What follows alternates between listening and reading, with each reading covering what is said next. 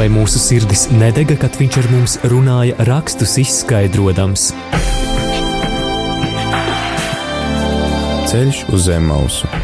Lauzīsim kopā Dieva vārda maizi, iedziļinoties dažādos bibliskos tematos.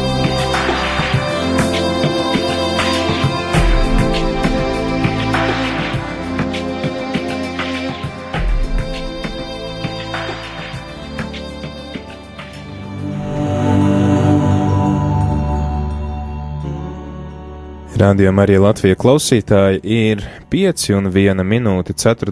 6. februārī ar tiem vētrā priestris Pēteris Skudra raidījumā Ceļš uz Emausu. Kā jau šajā sezonā ir ierasts, mēs turpinām lasīt pirmo mūzus grāmatu, saukt arī par radīšanas grāmatu. Grāmatu, kurā šobrīd mēs pēdējās pēdējās nedēļas raidījumos pārunājam stāstu par Jāzepu un viņa brāļiem. Arī viens tāds, viens no vispopulārākajiem bībeles stāstiem, kas arī ir diezgan bieži izmantots gan dailiteratūrā, varam atcerēties kaut vai paši par Raņa šo viņa darbu, kas arī saucās Jāzeps un viņa brāļi, arī citur šie motīvi ir ņemti tāds stāsts par ģimeni, kurā tad ir gan favorīti, mīluļi, kur ir skaudība, kur ir nodevība. Iepriekš mēs tad runājām par to, kā Jāzepam ir gājis verdzībā, kā viņam ir gājis cietumā, kā viņš arī tad skaidrojot šos sapņus un arī paliekot uzticīgs, bet tiksim tā arī mācoties izmantot visu to, ko viņam dzīve piedāvā, iz, to viņš arī izmanto uh, kas saka tā pilnvērtīgi, pilnesinīgi, un caur viņu tad arī šī svētība iet visiem tiem cilvēkiem, kas ir viņam apkārt. Pagājušajā reizē mēs pārunājām to, kā Jāzepam ir gājis, izskaidrojot faraona sapņus, un tad arī kļūstot par šo faraona visu īpašumu pārvaldnieku, kā viņš arī tad gudri pārvalda Eģiptes zemi šajos traknajos gados, veidojot uzkrājumu un sagatavojoties arī bada gadiem. Šodien mēs turpināsim lasīt radīšanas grāmatas 42. nodaļu. Stāsts par to, kā šis bats pieaug zemē, no kura cieši ne tikai Eģiptes tauta, bet vispār tā laika pasaule, kuru jau nu, tā reģiona cilvēki pazina, Un eh, šodien arī redzēsim, kā Jāze, notiek Jāzepa sastapšanās ar viņa brāļiem pēc šiem, nu, var teikt, 20 gadiem trimdā, ko viņš nav redzējis savus brāļus, kur viņš ir piedzīvojis dažādas šīs pārestības un arī tādu ļoti strauju augšu peju pa slavas kāpnēm, ja tā var teikt. Eh, kopā ar mums šodien tad arī raidījumā ir viesis. Šodien ar mums ir uh, balss, kuru mēs dzirdam bieži vien rīta vai vakara misēs, tad, kad mēs translējam no liepājas, un tas ir priestris Valdis Drīksna. Lai tu slavēts Jēzus Kristus. Mūžīgi mūžam slavēts. Tā neierasti dzirdēt šo balsi šeit no Rīgas studijas, nevis no Liepājas katedrālis. Prieks, ka varēja atrast laiku un būt ar mums kopā šeit un tad arī dalīties ar tām pārdomām par Dievu vārdu. Nu, tad es jūtos pagodināts par uzaicinājumu. Jā, tad eh, klausītāji atgādinu, ka tu vari sameklēt eh, sev eh, kādu bībeli vai arī sameklēt internetā svēto rakstu tekstu. Tātad pirmā mūsu grāmata, radīšanas grāmata, 42. nodaļa. Nolasīsim, tad, ko šī nodaļa mums stāst, un tad arī mēģināsim saprast, ko šis teksts mums saka.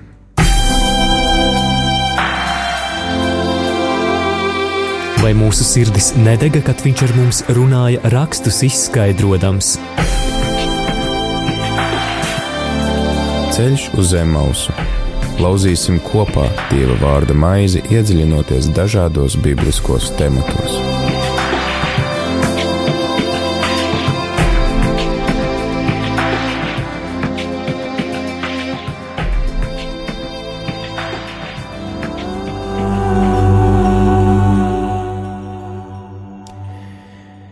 Kad nu Jēkabs redzēja, ka Eģiptē ir labība, tas sacīja saviem dēliem: Kāpēc jūs skatāties cits uz citu? Redziet, es esmu dzirdējis, ka Eģiptē ir labība. Ejiet tur un pērciet mums to, lai mēs varētu palikt dzīvi un mums nebūtu jāmirst. Un Jāzepa desmit brāļi nogāja, lai iepirktu labību no Eģiptes, bet Jāzepa brālim Beņamīnam Jēkabs neļāva iet brāļiem līdzi, jo viņš sacīja, ka tam nenotiek kāda nelaime. Tā Izraēla dēli nogāja citu gājēju vidū, lai pirktu labību, jo Kanāna zemē bija bats. Bet Jāzems bija zemes pārvaldnieks un labības pārdevējs visiem zemes iedzīvotājiem. Kad Jāzepa brāļi nāca un klanījās līdz zemē viņa priekšā, tad Jāzeps ieraudzīja savus brāļus, tos pazina, tomēr viņš izlikās viņus nepazīstam un teica viņiem skarbi, no kurienes jūs nākuši, un viņi atbildēja no Kanāna zemes, lai pirktu labību. Jāzeps pazina savus brāļus, bet tie viņu nepazina. Un Jāzeps atcerējās savus sapņus, kādus tas bija par viņiem sapņojis, un viņš sacīja tiem: Jūs esat izlūki, jo jūs esat nākuši izpētīt zemes ne, neapsargātās vietas. Un tie atbildēja: Nē, kungs, tavi kalpi ir nākuši labību pirkt. Mēs visi esam viena vīra dēli, mēs esam godīgi ļaudis, tavi kalpi nav izlūki. Godīgi ļaudis, uh, bet viņš, tiem, viņš teica tiem: Nē, jūs esat nākuši izpētīt zemes neapsargātās vietas Bet tie sacīja, mēs tavi kalpi bijām 12 brāļi, viena tēva dēli Kanāna zemē. Jaunākais šobrīd vēl ir pie mūsu tēva, bet tā viena vairs nav. Tad Jāzeps viņiem sacīja: Tas tā ir, kā es jums esmu teicis, jūs esat izlūki. Tik tiešām, ka faraons ir dzīves pie tā, varēs pārbaudīt jūs. No šejienes jūs netiksiet prom, kamēr jūsu jaunākais brālis netiks atvests šurp aizsūtīt vienu no jūsu vidus, tas lai paņem jūsu brāli, bet jūs esat apcietināti, tā jūsu vārdi tiks pārbaudīti, vai tie ir patiesība vai nav. Pie faraona dzīvības jūs esat izlūki. Un viņš tos ieslēdza cietumā trīs dienas.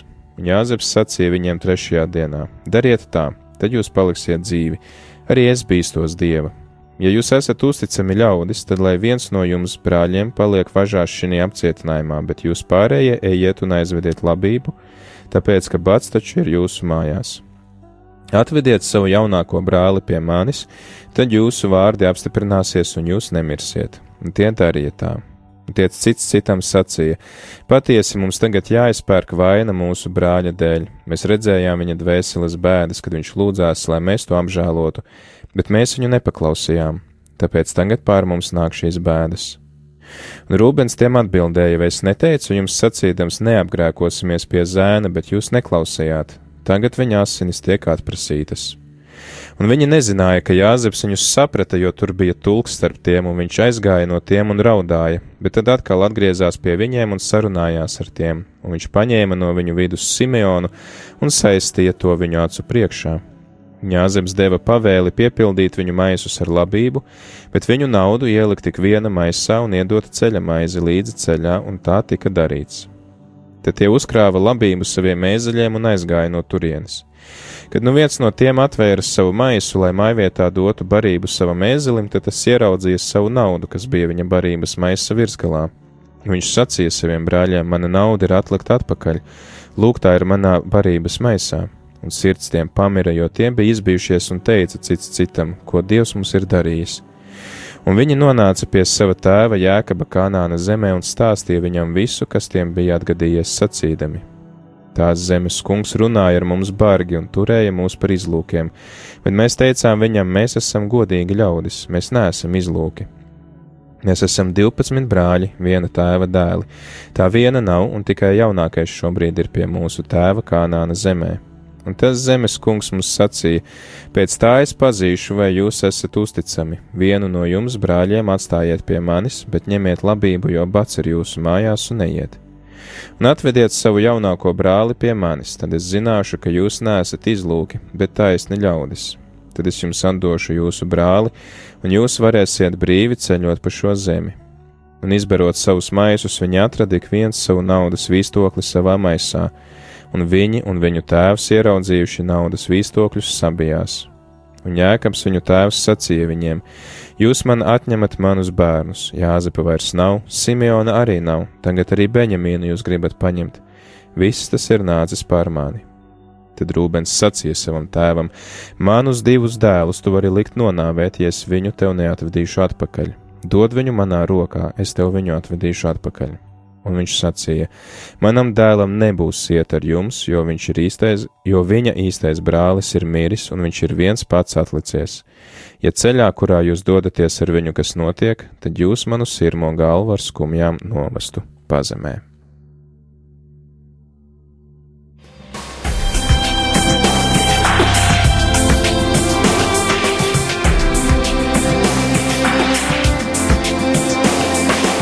Ceļš uz zem mausu katru ceturtdienu, pulkstens 17.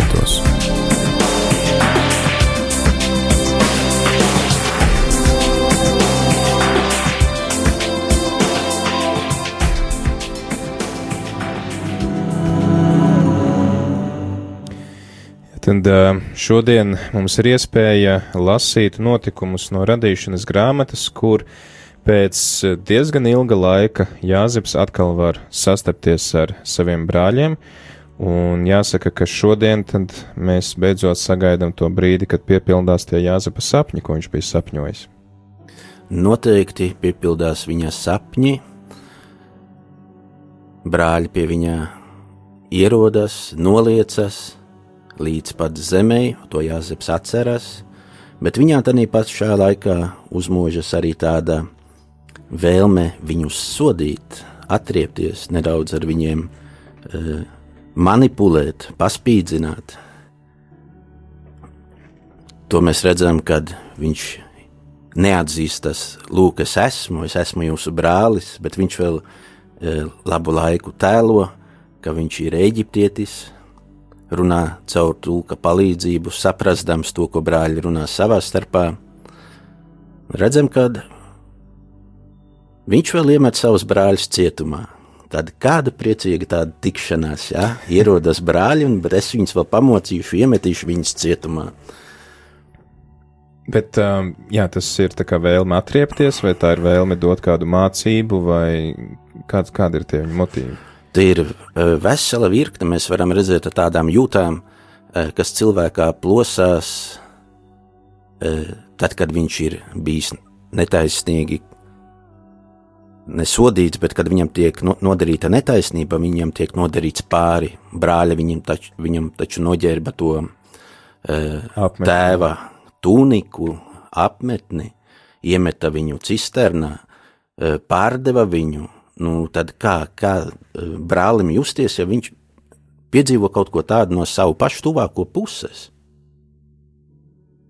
Viņš ir priecīgs, ka ieraudzīja noteikti tos brāļus, Eh, bet tas prieks viņā parādījās tad, kad viņš dzirdēja to atzīšanos, ja, ka viņa asinis uz mums, kā Rūbens runā par to, ka eh, nevajadzēja nodarīt pāri.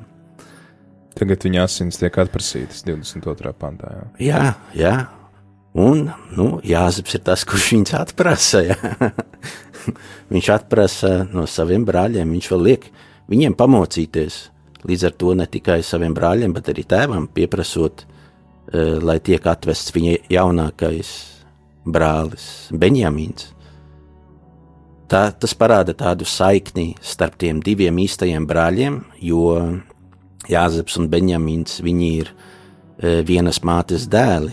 Tā Ra Rahela bija favorīta arī pašam Jēkabam.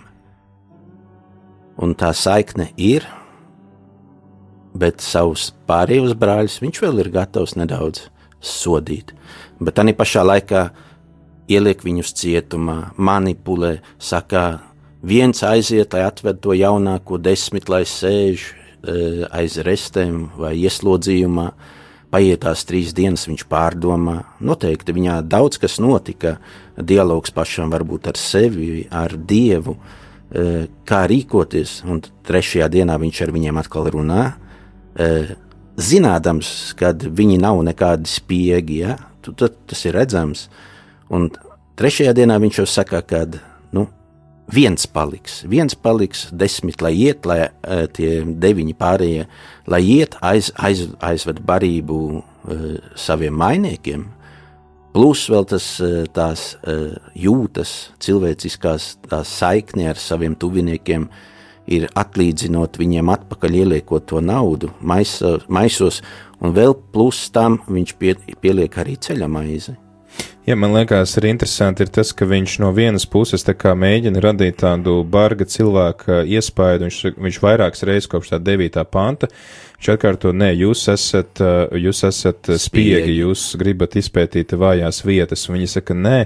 Un tad, kad viņš jau pēc tam trim dienām saka, labi, ejiet atpakaļ, atstājiet vienu brāli, jo jums taču ir bats mājās, viņš tomēr parāda to, ka viņam ir šī līdzjūtība, jo ja viņi tiešām būtu spiegi, tad viņš palikt pie tādiem, labi, lai viens iet, atved to, tad es ticu.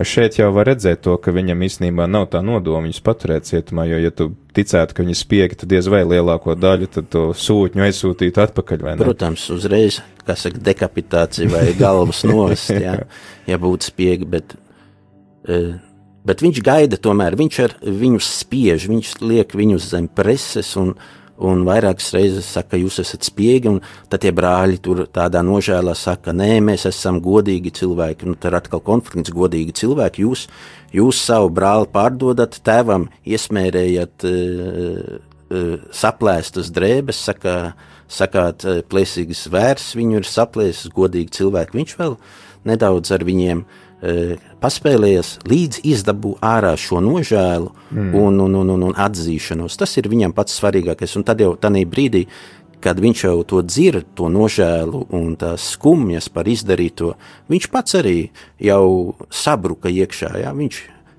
jau iet, iet uh, klusībā, lai neviens neredzētu, viņš iet raudāt. Cilvēks ir aizkustināts. Mm. Viņš jau ir pārdomājis visu un viņa tas, ko viņš gribēja no brāļiem dzirdēt, viņš dzirdēja. Hmm. Tāda nožēla. Ja tas, teiksim, lasot šo tekstu, kas varbūt ir tas, ko autori mums ir gribējuši pateikt, pierakstot šo vai, teiksim, nododot mutvārdu tradīcijā šo stāstu? No autori par šo ģimenes stāstu. Ģimenes stāsts mums grib parādīt arī favorītu, kurš izcelsies gaismā nedaudz vēlāk. Tagad šajā, eh, šajā nodaļā ir tā izlīkšana, noteiktā garīgā eh, vērtība, ko mēs varam izvilkt no šī teksta, ir izlīkšana, piedot un arī nemaskieties, jo kāpēc, kāpēc eh, ar Jāzepu kaut kas tāds notika? Kas bija Jāzeps? Jāzeps jau ne, nemaz tik tīrs cilvēks tad nebija. E, jo to parāda, ka viņš tiek izģērbts. E, viņš tiek izģērbts, brāļi viņu izģērb, atņem viņam tuniku, Potifara sieva viņu apsūdz, arī viņš tiek izģērbts. Bet pag, e, šajā pirmajā tikšanās reizē ar saviem brāļiem viņš ir vēl nomaskējies zem eģiptieša vizīrā tēla. Un tad, kad ir nākusi tā atdošana, kad viņš ir dzirdējis tādu nožēlu, gandrīz vai atvainošanos. Otrajā tikšanās reizē viņš jau atklāsies, jā, viņš jau vairs netēlos eģiptieti, kādu eģiptiešu augstmani, jo viņam pat vārds tika nomainīts. E, viņš kļūs par e, patiesu ebreju, par, par savu brāļu brāli. Ja, vai tas arī ir kaut kāds stāsts par šo 12 cilšu attiecībām, jo, ja mēs raugāmies uz Izraēlu tautas vēsturi, jo, tiksim, tā pirmā mūsu grāmata ir pierakstīta aptuveni, nu tā, tā kā mēs viņu tagad lasām, mm, trimdes laikā, vai ne? Nu, tas trimdes ir... laiks, pēc trimdes laiks, kad e, kādreiz viens no teoloģijas pasniedzējiem mums teica, tā, ka nu, to noteikti kāds Jahvis, sēžot Babilonas trimdā, viņš domāja, kāpēc mūs tas sastapa. Un, un var redzēt, kad rodas tā atbilde, meklē tas iedvesmotais rakstnieks, meklē atbildi uz jautājumu, kāpēc ir radies ļaunums. Mm -hmm. Bet tas ir vēlāk. Vispirms viņi jautā, kas mēs esam? Kas mēs esam? Un tāpēc ir sākas tas patriarhu cikls, Abrahams, Īzāks, Jēkabs, Jāzeps. Jau kad viņi beigās, viņi ir tauta, jo viņi būs trimdā, Eģiptē, un tur jau viņi būs tauta, viņi vairs nebūs kaut kādas tās e, klejojošās ciltis, bet viņi jau būs tauta. Tas ir izcelsme. E, patriarhi stāsta, kas mēs esam, no kurienes mēs esam cēlušies. Mhm. Kas ir mūsu tautas sākums? Un ir šie apsolījumi Abrahamam, Īzākam, Jēkabam, kam uh, vienmēr uz ko ir cerējuši, ka šie dieva apsolījumi piepildīsies. Un kas tad ir tā atbilde, ko gūst? Jo, ja mēs uh, redzam, tad, tad ir šīs ciltis, ir nosauktas pēc šo 12 brāļu vārdiem, izņemot Jāzepu, kura īstenībā tās ciltis nosauc pēc viņa bērnu vārdiem - Efraims un Beņamins. Uh, tad, uh, Manas. Jā, piedod, Manase, jā, jā, jā, Efraims un Manase. Um, Un, un tāpat laikā, kā liekas, ka Jāzeps ir tas vis, visizcilākais, visvarenākais, tad tomēr vēlāk mēs redzam, ka tā jūdas cilts izvirzās priekšplānā. Jā, vai šie stāsti, teiksim, vai, vai caur šo brāļu attiecībām mēs kaut kā varam secināt, kā jūdi, teiksim, tos tūkstotus gadus vēlāk ir raudzījušies uz savu, teiksim, šī tā brīža attiecībām cilšu starpā? Nē, es domāju, ka te vēl pagaidām ir sākums. Uh, jo tālākās nodaļās būs arī par jūdu. It kā uh, jūda mums šeit ir kopā ar saviem brāļiem, viņš iet uz Eģipti no Kanānas, un tad viņš ierodas atpakaļ Kanānā. Viņš, viņš dzīvo kopā ar saviem brāļiem, bet būs vienā nodaļā, uh, būs, visa nodaļa būs par jūdu, par viņu kā par patriarhu. Tas man liekas, bija atpakaļ. Jau, jau bija. Jā, jā. 38. nodaļā. Jā, 38. nodaļā ir tas, ka jūdi nošķīrās no saviem brāļiem. Un te jau ir tā, tāds teiksim, konflikts, ja tās tradīcijas sastopas. Jūda kļūs vēlāk par uh, to favorītu, kuru, kuru uh, Jēkabs svētīs. Jo vēl būs svētījis uh, Jāzepam dēlus, mm -hmm. kurus viņš it kā nav redzējis, bet šī tradīcija par, nu, par jūdu, viņa it kā sastopas ar to tradīciju par Jāzepu. Mm -hmm. Bet viņi kristalizēsies pēc tam vēlāk. Tad tas ir drīzāk tad, tad stāsts par ģimeni, kurā ir uh, šīs te gan tiksim, tā, favorītu lieta, gan arī skaudība, piedošana. Tas ir vairāk kā tāds pamācošs stāsts. Pamācošs stāsts noteikti, tāpēc, kad eh, redzēsim, kāpēc tam viņi izlīkst. Bet te parādās visa tā cilvēku iekšējā gama, eh, kad ir tā ciešanas, nepiedošana, izlīkšana, šaubas, bailes, eh, cīņa par pirmo vietu, Eh, bet ir arī ka, kaut kas tāds, kas parāda, ka jābūt kaut, eh, kaut kādai autoritātei, kā jēkabam, kamēr jēkabs ir dzīvs un kamēr, kad viņš noiet lejā uz Eģipti, starp brāļiem ir miers. Un tad, kad eh, jēkabs nomirst, tad jau atkal rodas jau šaubas, tie pārējie brāļi sāk baidīties. Ir kaut kas patriarchāls, ja, kad ir, ir jābūt kaut kādam šņurei, teiksim, kas skūli, labības skūli tur kopā, lai viņš nesakrīt. Mm -hmm. Skaidrs. Tātad atgādinu klausītājiem, ka mēs šodien sarunājamies ar priesteri eh, Valdi eh, Drīksnu no Liepājas eh, par pirmās mūsu grāmatas 42. nodaļu, tad par to, kā Jāzeps sastopās atkal ar saviem brāļiem. Mēs redzam, ka viņš tomēr sagaida sagaida šo atvainošanos no brāļiem, viņš arī to saņem, un tā viņu ļoti aizkustina. Un, protams, ka viņš arī negrib pārāk mocīt tos savus brāļus, viņš viņus sūta atpakaļ uz mājām, sūta gan ar to labību, ko viņi ir iegādājušies, gan arī vēl iedot ceļa maizi līdzi, plus vēl atdod līdzi šīs šos viņu naudas makus, eh, tam arī ir kāda nozīme, kāpēc, jo viņš vēlāk tur ieliks to uh, karalisko, karalisko biķeri, kas tā kā, nu, ka viņš tā kā gribēs parādīt to, ka jūs redzat, gribat mani aplaupīt, bet, bet šī, vēl šajā stāstā tad. E, tas bija otrajā tikšanās reizē, jā, jā. kad viņš saliks savus tos it kā sakrālos traukus, bet šajā stāstā viņš ir panācis īstenībā jau savus Simeons vai Eh, jā, Simons ir cietumā, viņš ir paņemts kā ķīlnieks, brāļi ir aizsūtīti atpakaļ ar nosacījumu, ka viņa jaunākajam eh, brālim, Benjamīnam, jāierodas Eģiptē. Tas ir pats galvenais. Pēc tam, lai tuvinieki tēvs neciestu, viņš var viņus uh, apdāvināt pat bagātīgi, viņam tas neko nemaksā. Jo viņš ir valdnieks pār Eģiptu, un uh, viņam ir tā valsts kase, klēts, un viņš ir arī kā otrais faraons, jo faraons sūtīs arī pats sūtīs to kaujas, tos ratus un uh, svītu, lai jēkabu pārvestu to uh, jāsapa tēvu pārvest uz Eģiptu, uz, uz auglīgāko zemi.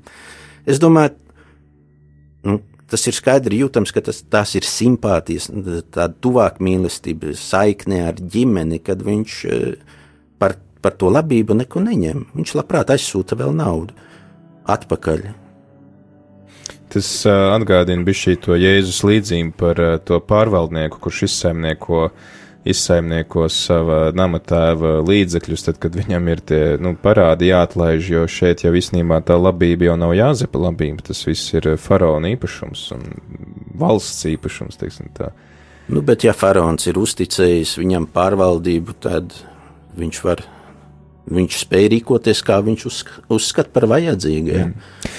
Jā, klausītāji, tagad laiks dziesmai, paņemsim nelielu pauzi, tad atgādini, ka arī tu vari iesaistīties šajā sarunā, ja tev ir kaut kas, kas tevi uzrunā, vai tev rodās kādi jautājumi, lasot šo stāstu par Jāzepu, par to, ko mēs lasām šodien, vai varbūt kādi jautājumi vēl palikuši no iepriekšējiem raidījumiem, tad droši zvani mums uz ēteru uz numuru 67 969 131 arī raksta īsiņas uz numuru 266, 77, 272. Tad arī mēs ar Priestri valdi kopā centīsimies uz šiem jautājumiem atbildēt.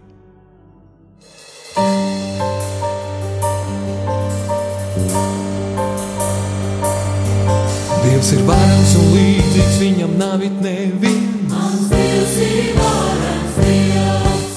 Viņš ir tas, kurš debesis un zemi radījis. Priekšā jūra bēg un kalni atkāpjas, kad atskan viņa balss, tad zeme sakustās. Viņa varenības spēks ir prātam neapjaušams, mans Dievs ir varens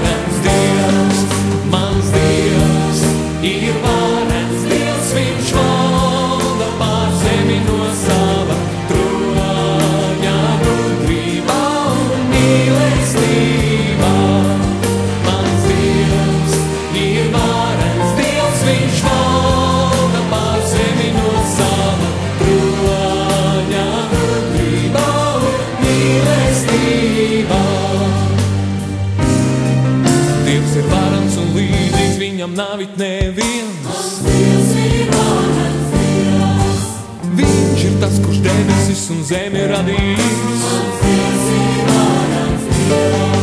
Viņa priekšā jūra bēg un kalni atkāpjas, kad atskan viņa balss, tad zeme sakustās. Viņa varenības spēks ir prātam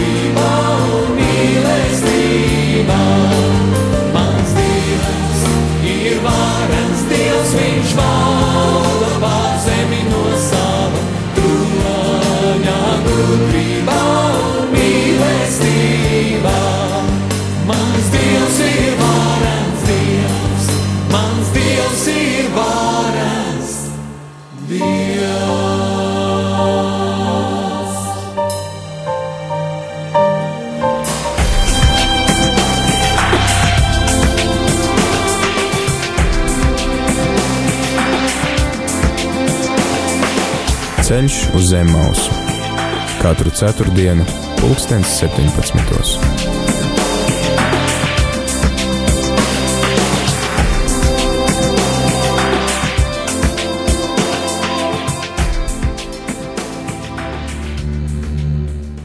Atgriežamies ēterā raidījumu ceļš uz Zemmausu. Esmu es priesteris Pēteris Skudru un kopā ar mums arī eh, priesteris Valdis Drīgs. Nu, un šodien runājam par radīšanas grāmatas 42. nodaļu, par eh, to, kā notiek Jāzepas sastapšanās atkal ar viņa brāļiem. Un mēs redzam, lai arī Jāzeps ir mēģina būt tāds skarbs un, un tā kā uh, mazliet nepieejams un tā kā grib pārmācīt tos brāļus, viņš tomēr ir arī ar maigu sirdi un viņš drīz vien arī tomēr parūpējās par brāļiem, lai pietiek ēdamā viņiem, arī viņu tēvam mājās, viņš viņus atlaiž uh, paturot vien uh, ieslodzījumā vienu no saviem brāļiem, un mēs teiskadrā ar priesteri valdi sarunājāmies par to, ka um, varbūt tāda atkāpe, par ko mēs esam runājuši citur, bet kas parādās šajā nodaļā par to, kā rad, ir radušies svētie raksti.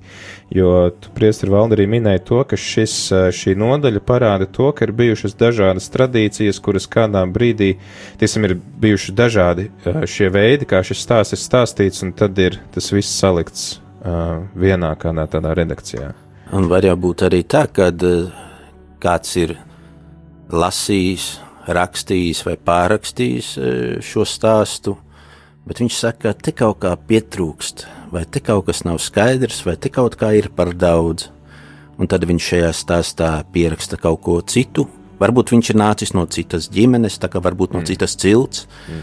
Teiksim, kāds ir no Rūbena cilts, būtu rakstījis kādu tradīciju, stāstu par ģimeni, izcelsmi, un kaut kur nākotnē pie šī pašas uh, stāsta tradīcijas nonāk kāds no jūdas cilts, un viņš saka, nē, neder, mana cilts ir svarīgāka, vai E, es gribu to nedaudz papildināt vai pārveidot. Un to mēs arī pašā fragmentā varam redzēt. Tā vispilgtāk, man liekas, to var redzēt pie radīšanas stāsta, kur mēs redzam tādu nu, ļoti uzskatām, ka vai tiek cilvēks radīts pirmais, vai viņš tiek radīts pašās beigās. Vēl tā diezgan uzskatām varēja to redzēt pie Ābrahama, ka tur ir, piemēram, divreiz aprakstīts tas, ka viņš bēg uz Ēģipti un tā kā uh, slēpjās un saka, ka nē, tā nav mana sieva, tā ir tikai māsa. Uh, par, uh, To pašu darīja Īzāks. Jā, to pašu darīja Īzāks. Kas tad ir šajā stāstā, šajā nodaļā, kas tad mums liek domāt par to, ka tie būtu vairāki stāsti šeit apvienot? Nu, noteikti te ir redzami divi stāsti. Kas par to liek domāt, ja mēs tā rūpīgāk palasām, ir vietas, kur atkārtojas kāda doma pirmais, kas krīt acīs, tad, kad mēs lasām vienā no pantiem, kad Jāzeps jau sūta savus brāļus atpakaļ, viens no viņiem atver maisu. Viņš atrod to naudu, ieliktu atpakaļ un saka to pārējiem.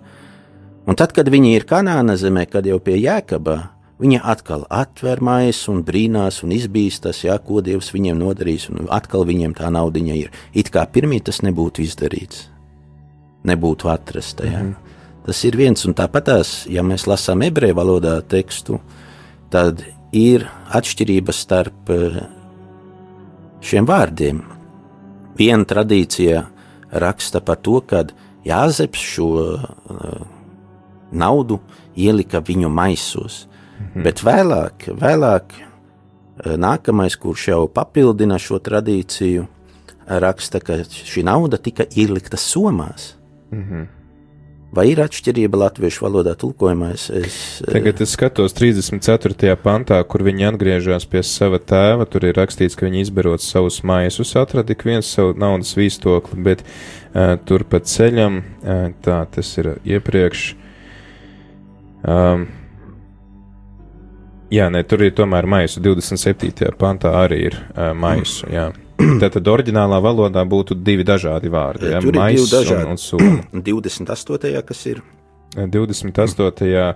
mana nauda ir atlikta atpakaļ, lūk, tā ir manā barības maisā. Barības maisā. Jā. Bet ebreju valodā ir divi vārdi, ir sak un amtaha, mm -hmm. kas, ir, kas būtu soma. Tā kā ir šī atšķirība, un tāpat tās, ja mēs lasām un pievēršam uzmanību vienā vietā, atkal Jēkabs runā par Jēkaba dēliem, un ir arī Izraēlis. Jo kaut kur iepriekš eh, Dievs eh, Jēkabu nosauc par Izraēli, bet turpmāk eh, vēl tā, tā tradīcija viņai jaucās. Ja? Vietām mm. viņš ir Jēkabs, vietām viņš ir Izraēlis. Ja šajā nodaļā viņš ir jēkabs, mēs pēc tam lasīsim, ka Izraēlis spūdams nāves gultas svētīja savus dēlus. Jā. Un tās svētības ir arī jau, jau vairākas, es domāju, nākamajās nodaļās, kad būs nākamie, kas komentē šo uh, nodaļu. Uh, tā jēkaba svētība arī būs, būs dažāda. Viņa, mm. viņa atkārtosies noteikti. Tas parāda, ka ir tās dažādas tradīcijas, kuras sastopas, krustojas, kuras kāds ir mēģinājis, redaktors mēģinājis apvienot. Un tāpēc ir tie saucamie dubleti, vai atkārtojumi, vai ievietojumi, iestarpinājumi, tas ir interpolācijas. Un tas tos, šos svētos rakstus padara bagātākus. Tas padara rakstus bagātākus, tas mums palīdz arī redzēt to, ka tas ir bijis dinamisks process. Teiksim, tā bībele nav mums tāda nodota vienkārši kā tāds gatavs materiāls. Viņa ir, mēs varam, teiksim, runāt, vai zinātnieki noteikti varētu ilgi un dikti stāstīt par to, ka viņa ir attīstījusies laika gaitā, bet, bet teiksim, man parastam lasītājam tas var radīt šaubas par to, cik tas teksts ir uzticams. Ja tagad viens pārrakstītājs var ņemt un viņu mainīt to tekstu, kāpēc taču šodien, šodien mēs tā kā redz pārmetam, es nezinu, kādu mormoņu, ja viņi redz, viņi ir izmainījuši bībeli, tad ar ko viņi atšķirās no tiem cilvēkiem, kas 800 gadus pirms Kristus trimdas laikā teica, re, kur ir tāda tradīcija, ir tā tradīcija, mēs te pierakstīsim vienu, otro, man liekas, pavisam ir trīs laikam tādas tās galvenās tradīcijas, kuras uh, dominē šajos te tekstos. Uh, cik tas ir uzticami, cik tie ir svēto rakstu vārdi, jo mēs tā kā runājam par iedvesmotu autoru, tas sanāk, tie ir tā kā vairāk iedvesmoti autori. Nu, ir tas cilvēciskais faktors un dievišķais faktors. E, mēs varam pateikt par svētajiem rakstiem pēc kaut kādām metodēm, vēsturiski kritiskās metodas, e, kur ir cilvēks iejaucies. Bet mums nav tādas metodas, lai mēs varētu pateikt, e, kur dievs nav iejaucies vai kur viņš ir iejaucies. Mm -hmm. Es domāju, e, to iedvesmotību cilvēks nekādā veidā e, nevar nepierādīt, nenoliegt, jo tas ir ārpus cilvēka kompetences. Tad, teiksim, tā mēs varam teikt, Dievs ir iedvesmojis visu šo svēto rakstu tapšanas laiku, kaut arī tas būtu bijis varbūt pat vairāk gadsimtu laikā. Protams, un tāpat tas kā evolūcija. E, nekas jau nav Dievam kā saka, izbeidzis no kontrolas. Ja? Mm. Tāpat arī svētajos rakstos. Bet vai mēs šodien varam pieņemt to, ka vēl, teiksim, nu labi, tulkojot uz latviešu valodu, mēs arī veicam zināmā mērā jau kaut kādu interpretāciju, bet vai ir iespējams, ka tas teksts vēl kaut kā tiek papildināts, mainīts, vai, un, un ka mēs sakam, tas ir tomēr dievi iedvesmots process?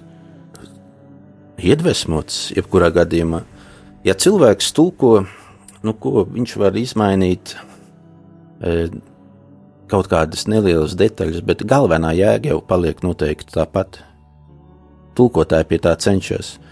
Ir nianses, kuras var nedaudz izmainīt, bet e, galvenais, e, galvenais nodoms tas jau nemainīsies. Okay, jā, tad, bet es domāju, vairāk tādā ziņā, ka tas, tas sākotnējais process tomēr ir bijis, kā tu arī minēji, ka kāds uh, ir, teiksim, saņēmis no saviem vecākiem šo stāstu, vai viņš ir varbūt to izlasījis kaut kur par, uh, nu, piemēram, Rekur Jāzeps un viņa brāļi, un, un tu sacīji, ka kāds cits teikt, nu, nē, bet te vajag kaut ko papildināt. Tad, uh, kā mēs varam, kā mēs šobrīd, teiksim, šodien mēs, nu, tā kā teikt, ne, ko tu, kā tu vari papildināt kaut ko tekstā, kas jau ir pilnīgs tie ir svētie raksti. Mēs tur neko nedrīkstam ne pielikt, ne atņemt. Nu, tas vēl notiek formācijas laikā. E, kanons vēl nav noslēdzies. Tad, kad tradīcija veidojās, mm. vēl nebeidzās. E, viņi tiek papildināti. Tas jau neizslēdz to, ka teksts ir iedvesmots beigu, beigu formātā. Mm -hmm. Tad mēs vienkārši varam izsacināt to, kā Dievs ir vadījis visu šo procesu, līdz tas ir nos... kad, kad viņš noslēdzās aptuveni. E, vecā derība viņa noslēdzas pirms Kristus. Vēl ir tāds vēlāks, kas ir Daniela grāmata, kas nāk pirms Kristus, tad, kad jau uh, no ebreju valodas uh, svētie raksti tiek pārtulkoti grieķu valodā. Ir gandrīz 70 gadi pirms Eģipte, Kristus. tas ir pirms Kristus 3. un 2. gadsimts. ok. Tas jau kanons, var teikt, ir uh, Eģipte, Eģiptes ebrejiem jau ir kanons noslēdzies, bet uh, Svētajā zemē kanons noslēdzās ap 90. un 100. gadu pēc Kristus. Jabne vai Jaf, e, Jafa, kur e, rabīns savācās, pateica, tās grāmatas ir iedvesmotas, un tās grāmatas nav iedvesmotas. Tas ir ebreju kanons noslēdzās. Bet katoļu baznīcā, man liekas, to kanonu beigās galīgi definēja tikai 16. gadsimta. 16. Tas ir tri- Tridents koncils. Jā. Bet nu, viņš jau bija, bija dzīvē, bija jau ieviesies tikai tādā 16. gadsimtā. Viņa paņēma vienkārši definitīvu noslēdzu. Jā, tad uh, atgādinu klausītājiem, ka mēs uh, šodien analizējam 42. nodaļu radīšanas grāmatai, un uh, tiksim, lasot šo stāstu par Jāzepu un viņa brāļu sastapšanos, mēs varam arī redzēt to, kā svētie raksti ir tapuši, ka tas ir bijis tāds process vairāku gadsimtu pat garumā, kas tad, tad ir aizsācies Babilonas trimdā, tas ir apmēram 8. gadsimts pirms Kristus, vai ne? Babilona ir 500, tas ir 6. gadsimts. 6. Babilona. gadsimts. Aha. Bet nē, eh, senākie raksti, vismaz rakstisks dokuments, tas ir uz metāla gabala no svētiem rakstiem, ir kaut kāds 7. gadsimts, mm. -hmm. bet tradīcija noteikti ir senāka, jau kas sniedzās eh, 7. un 8. gadsimts jau ar praviešu izsai laiku. Un tad tas noslēdzās ap 2. un 3. gadsimtu, un tad vēl mūsu ēras 1. gadsimta beigās tie jūdi tā pavisam izlēma, kuras Jā. grāmatas būs, kuras nebūs svētie raksti. Nu, svētiem rakstiem tās grāmatas, kuras ir svēties rakstus, tām ir jābūt rakstīt, tā jābūt rakstītai svētajā zemē un ebreju valodā. Ja? Mm. Un par cik viņi nezināja, ka arī tā sīrāka dēla gudrības grāmata ir rakstīta svētajā zemē un ebreju valodā, viņi izslēdz ārā, bet tā septuagintā tas ir e, grieķu valodā tulkotajā, kas Eģiptē tika pārtulkots. Tur viņi ir iekļauti. Mums tad arī jāpaskaidro klausītājiem, laikam, ka uh, kristieši pieturās pie tās versijas, kas ir pārtulkot uz grieķu valodu, uh, jo tur arī vēl ir tās makabiešu grāmatas. Deutura kanoniskās, jā, jā, jā, jā. Kanoniskās grāmatas, kuras uh, nav ebreju kanonā, bet ir mūsu kanonā. Uh, Noslēdzot šo raidījumu, teiksim, pārdomājot šo, šo visu, ko mēs esam pārunājuši, gan to stāstu par pašu Jāzepu, gan arī tas, ko mēs esam uzzinājuši par svēto rakstu attīstību, kas ir tas, ko mēs varētu paņemt, teiksim, 21. gadsimtā lāsarē, kur latvietis, pilnīgi citu kultūru, cits laikmets, lasot šo stāstu. Mums arī tā kā vajadzētu mācīties no Jāzepa, kurš tā kā mēģina pakaitināt tos savus ienaidniekus vai, vai kā steigties ātri viņiem piedot, jo mēs redzam, ka viņš ir arī tāds ļoti smaigas dabas cilvēks. Nē, te mums viss to jālasa ir jaunās derības gaismā, evaņģēlīja gaismā. Mums jāskatās arī uz jebkuru vecās derības fragmentu. Bet šis raksts fragments mums parāda, ka cilvēks ir ļoti bagāts, ja? ka viņš ir, viņā var būt visdažādākās jūtas. Mēs varam atrasties Jāzepa lomā, mēs varam atrasties arī to viņa brāļa lomā. Un tad mums jāpadomā, kā mēs gribam, lai pret mums izturās tie mm. paši. Tas pats Jāzeps, varbūt pret kur mēs esam nodarījuši kādam kaut ko pāri. Vai arī cilvēki, tuvinieki, kuri savā starpā nevar sadalīt mantojumu, kā rīkoties. Mm. Tad, tad tas tas man liekas, ir viens tāds tā, tā, jezuītu tāds piedāvātais veids, kā lasīt svētos rakstus, sevi ielikt kādā no šiem tēliem un tad reflektēt to, kā es jūtos šī tēla lomā. Tā ir meditācija, tā ir empātija arī mēģināt saprast otru cilvēku, jo skatoties uz vāju cilvēku, mēs varam arī apzināties, ka paši mēs varam būt vāji. Mm. Tad mums ir gan vajadzīga atdošana, gan arī nepieciešams dāvāt atdošanu. Protams. Arī. Vai ir vēl kāda mācība, vai mēs tad ar to varam? Vēl kāda mācība. Jā. Varbūt, lai vispirms kādu dziesmu noskan. Labs ir, nu, jā, vīsa dziesma, pēc kuras tad arī noslēgsim šo raidījumu.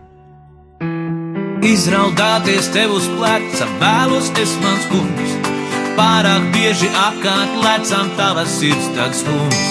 Neaizmukt no tava gara sirds apziņā lūst. Izslāpusi dvēsele un pārņem sagrumus.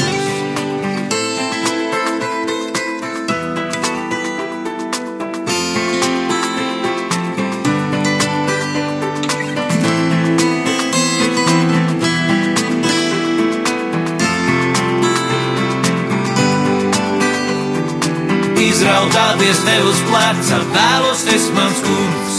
Pārāk bieži apkārt lecam tavas sirds tas kungs. Neaizmukt no tava garā sirds apziņā lūst. Izslāpusi dvēselē un pārņem sagurums.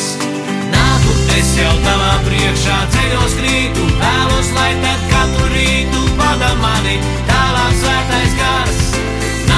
Es jau tavā priekšā ceļos krītu, vēlos, lai tad katru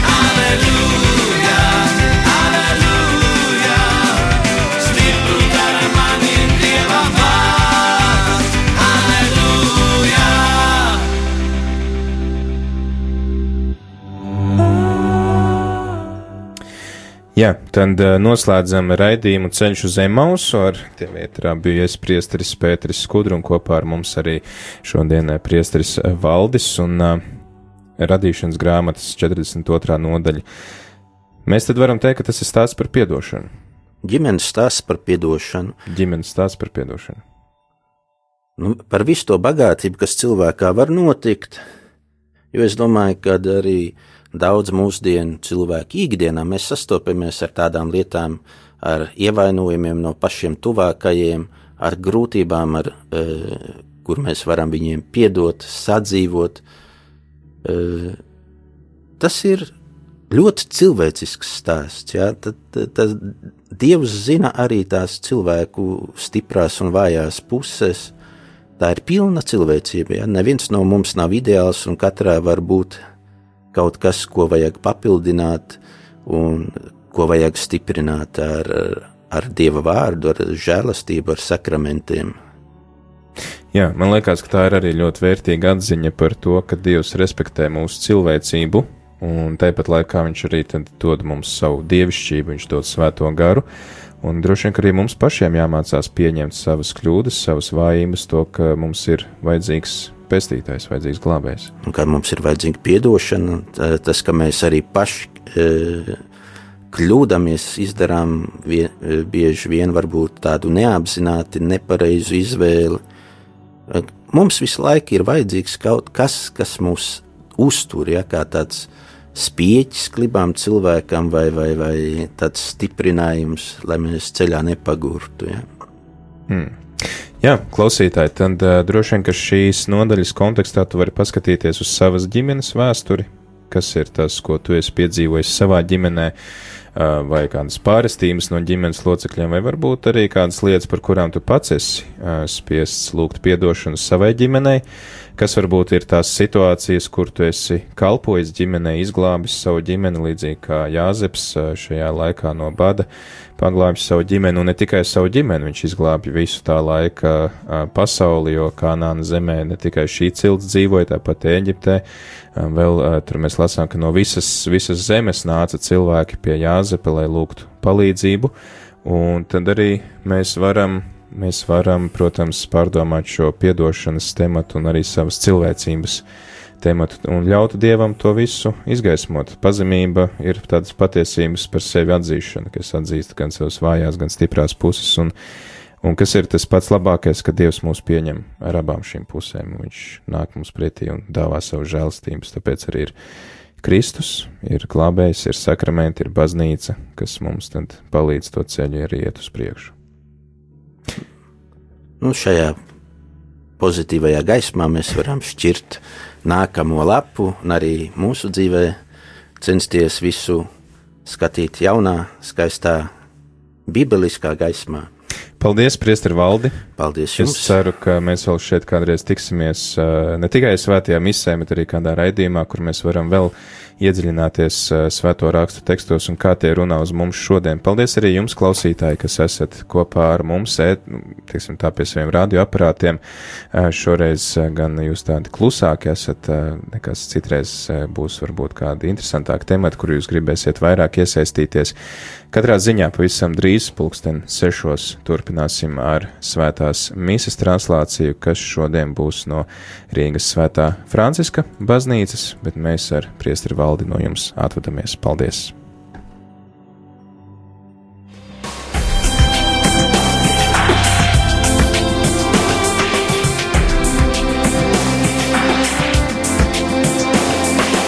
Ceļš uz zem mausu katru ceturtdienu, pulkstens 17.